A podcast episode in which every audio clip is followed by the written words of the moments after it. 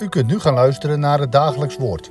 Dit is iedere maandag tot en met vrijdag om 10 uur, 3 uur en s'avonds om 7 uur. Deze meditatie wordt verzorgd door dominee Jongeneel.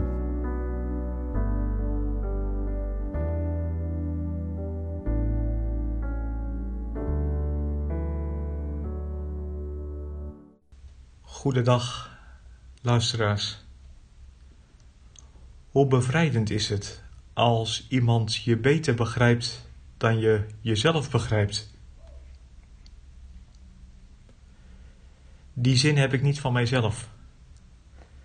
Ik kwam me tegen in het boek Het gewone leven. Dat boek verscheen in 1939 bij uitgeversmaatschappij Holland te Amsterdam. Het had als ondertitel In de spiegel van het boek Rut.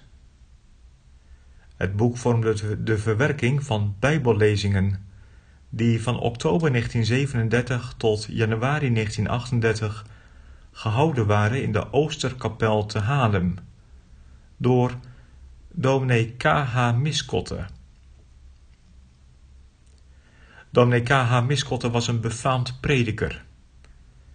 Het schijnt dat een van zijn hoorders ooit opgemerkt heeft: Ik begrijp die man niet, maar ik heb het idee dat hij mij wel begrijpt. Daar moest ik aan denken toen ik in dat boek Het gewone leven die ene zin van Miskotte zelf las. Hoe bevrijdend is het als iemand je beter begrijpt dan je jezelf begrijpt. Miskotte schrijft dat neer vanwege de woorden die klinken op de akker van Boas, waar Boas en Rut elkaar voor het eerst ontmoeten en met elkaar in gesprek raken. Boas zegt dan op een gegeven moment tegen Rut, en het zijn de woorden die vandaag ons dagelijks woord vormen, namelijk wat we lezen in Rut 2, vers 11 en 12. Boas zegt dan: Het is me allemaal verteld.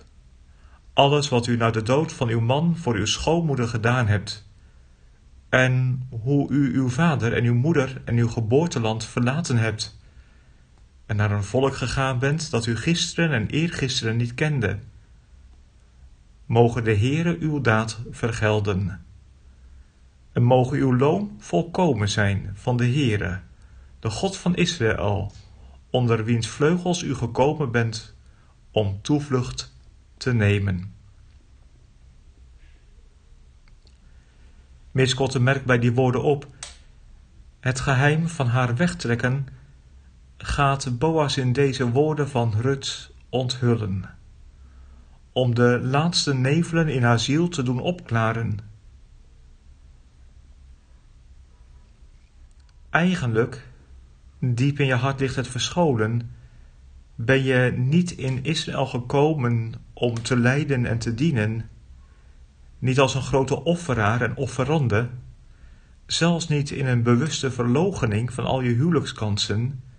Nee, jij trok uit weg uit Moab om je te bergen. Je was op de vlucht. Angst had je bevangen voor de vreemde goden. Jij nam je toevlucht tot de God van Israël, om te ontkomen aan de natuurgoden.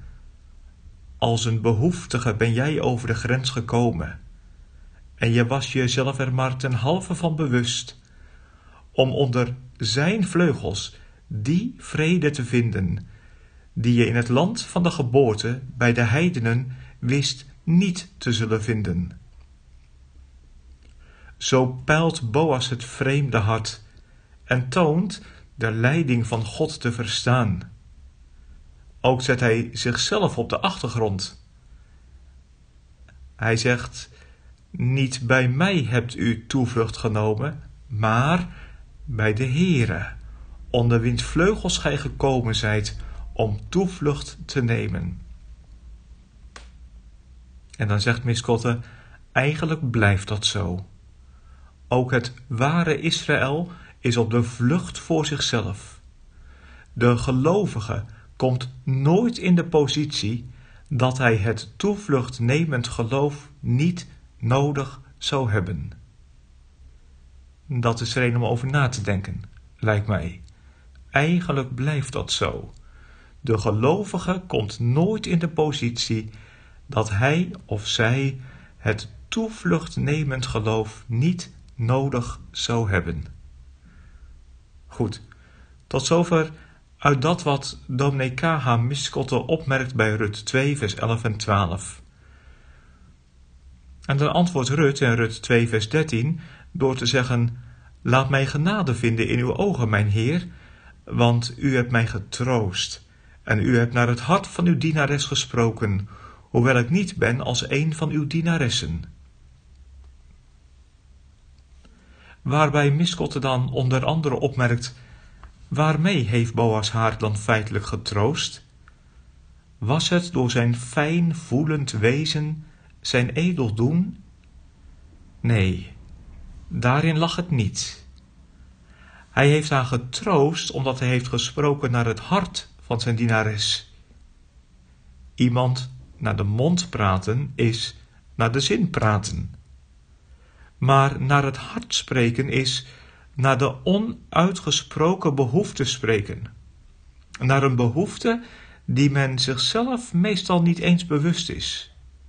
Wat de mens werkelijk nodig heeft, weet hij immers veelal zelf niet. En de vervulling van die ongeweten en onvermoeide behoefte komt soms over hem in gouden stromen, en dan is het meer dan zijn uiterste droom.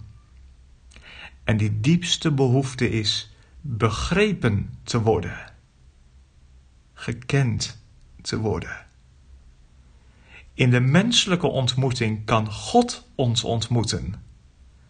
De Heilige Schrift is in haar eenheid zonder eenzijdigheid.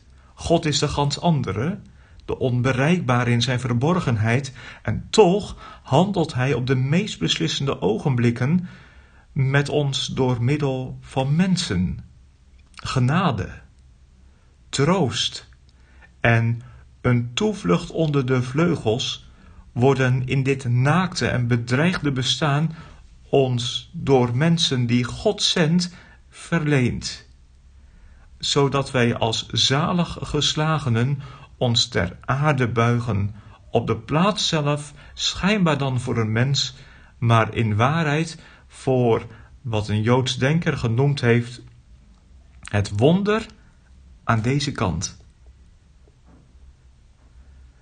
Nou, als het ergens de plaats is om u te herinneren aan het heilgeheim van de verschijning van Jezus Christus, dan hier. Want hij was geen half God, maar hij was waarachtig mens en daarin juist waarachtig God. Door een mensenleven heeft God de mens aangesproken. Door een mensenleven heeft God de mens ontmoet, hem met zich verenigd, een antwoord gegeven op de vragen van de mens. Bovenal een antwoord op de vraag die de mens niet eens bij machte was zelf te stellen, want de mens weet niet wat hij doet als hij zondigt en hij weet niet wat hij nodig heeft als zijn verlangen brandt. Door te zijn die hij is, wordt de zoon des mensen reeds een diepe troost. Er trad eens een mens op de akker van Bethlehem.